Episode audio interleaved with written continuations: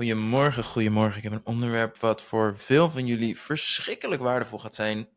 Namelijk als jij je herkent in uitspraken als: Ik weet wel wat ik moet doen, maar ik doe het niet. Of inderdaad gewoon een stukje: Hoe zorg ik dat ik doe wat ik moet doen? Daar wil ik het vandaag over hebben. Er is een hele mooie Engelse term voor: de action threshold, ofwel de actiedrempel, ofwel de grens vanaf waar we in actie komen. Makkelijk voorbeeld een lekkend dak kun je een paar dagen of weken uitstellen. Het is wel vervelend, maar het is de net niet kut genoeg situatie. Sorry voor mijn taalgebruik.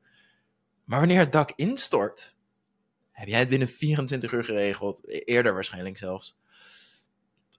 Als je nieuwe luisteraar bent, weet je dit misschien niet, maar mijn situatie is nogal uniek en ingewikkeld. Ik woon in de Filipijnen, coach Nederlandse vrouwen, heb mijn bedrijf geregistreerd in Estland, omdat het niet mocht in Nederland, omdat ik niet fysiek werk lever in Nederland. Ik ben geen personal trainer, ik werk online. Uh, ik heb ook geen kantoor of iets dergelijks in Nederland, dus dat mocht niet.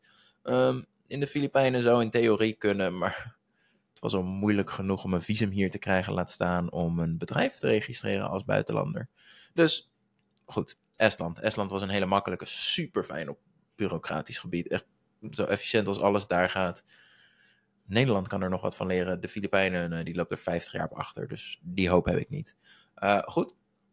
Daarnaast, om het nog ingewikkelder te maken, mijn bank zit in België. Want uh, zakelijke rekening bij de ING moest ik sowieso sluiten wegens hetzelfde verhaal. Ik ben niet in Nederland. zakelijke rekening hier mag alleen met Filipijnse bedrijven. Zakelijke rekening in Estland, dan moest ik fysiek naar Estland vliegen. En um, die noodzaak was er op dat moment niet, want het kon dus ook in België met een online bank. Goed. Uh, ik wil je meenemen in een verhaal hierover waar ik. Uh, um, dit was een onderwerp voor een van de masterclasses van Ik Overwin. Ik heb het er alleen toen uitgeknipt omdat het al zo lang werd.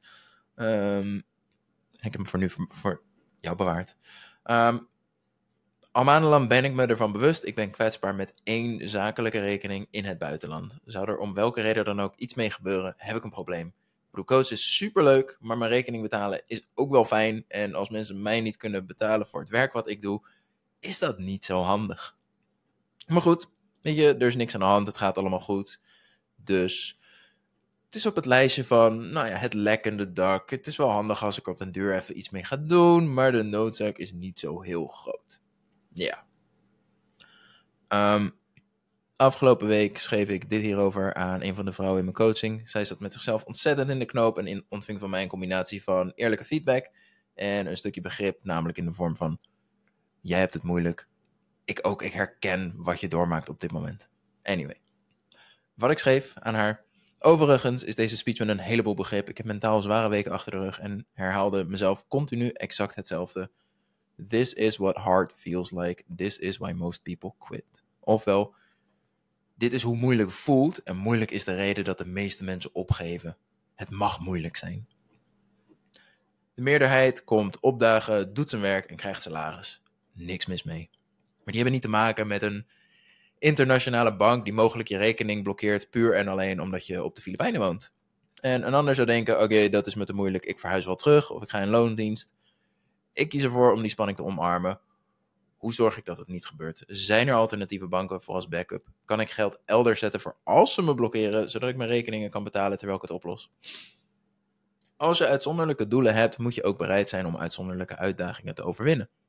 Dat geldt voor de gek die besloot om vanaf de Filipijnen te werken. En voor jij die besluit om bij de 20% te horen die blijvend afvalt. 80% faalt, 20% slaagt. Waar wil je bij horen?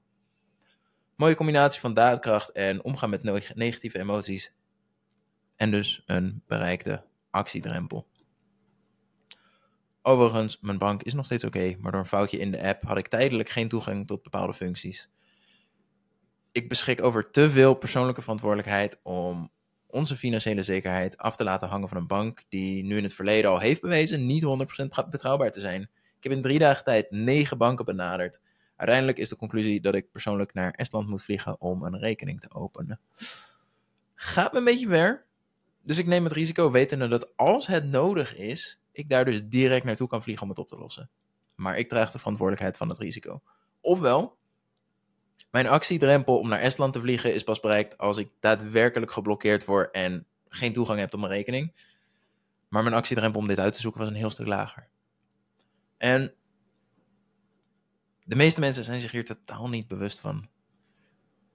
Maar wat zijn de momenten geweest dat jij besloot, het moet nu anders, dit kan zo niet langer en begon aan de zoveelste afvalpoging? Vaak is dat een nieuw hoogte slash dieptepunt qua gewicht, het is maar net hoe je het wil bekijken. Ziekte in je omgeving en angst voor je eigen gezondheid of geconfronteerd worden met de beperkingen en onzekerheden van je overgewicht. Ik had toevallig gisteren een, uh, een mooi voorbeeld hiervan in de coaching. Zij had haar eerste eetbui sinds lange tijd. Dat is vervelend, absoluut. Maar is het een terugval? Is het het begin van het einde? Het tegendeel. Met alles wat zij geleerd had, was het voor haar de trigger om alles te regelen waar ze zich over frustreerde en eigenlijk al langere tijd voor zich uitschoof.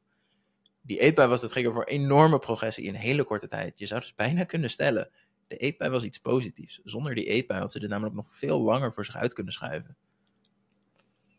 Vaak is het bereiken van je actiedrempel en dus dat vuur onder je voeten voelen om in actie te komen. Een kwestie van je kop uit het zand halen. De realiteit inzien met vooral het besef dat het alleen maar erger wordt tenzij jij verandert. En misschien is die trigger sterk genoeg om alles uit te zoeken, maar niet om naar Estland te vliegen. Gebruik die trigger dan om bijvoorbeeld, ik heb volgende week namelijk pas weer plek, om je te verdiepen in coaching en een gratis coaching sessie in te plannen dan kan de trigger van starten met coaching dienen als je trigger om naar Estland te vliegen. Ofwel alles doen wat je moet doen om jouw doel te behalen.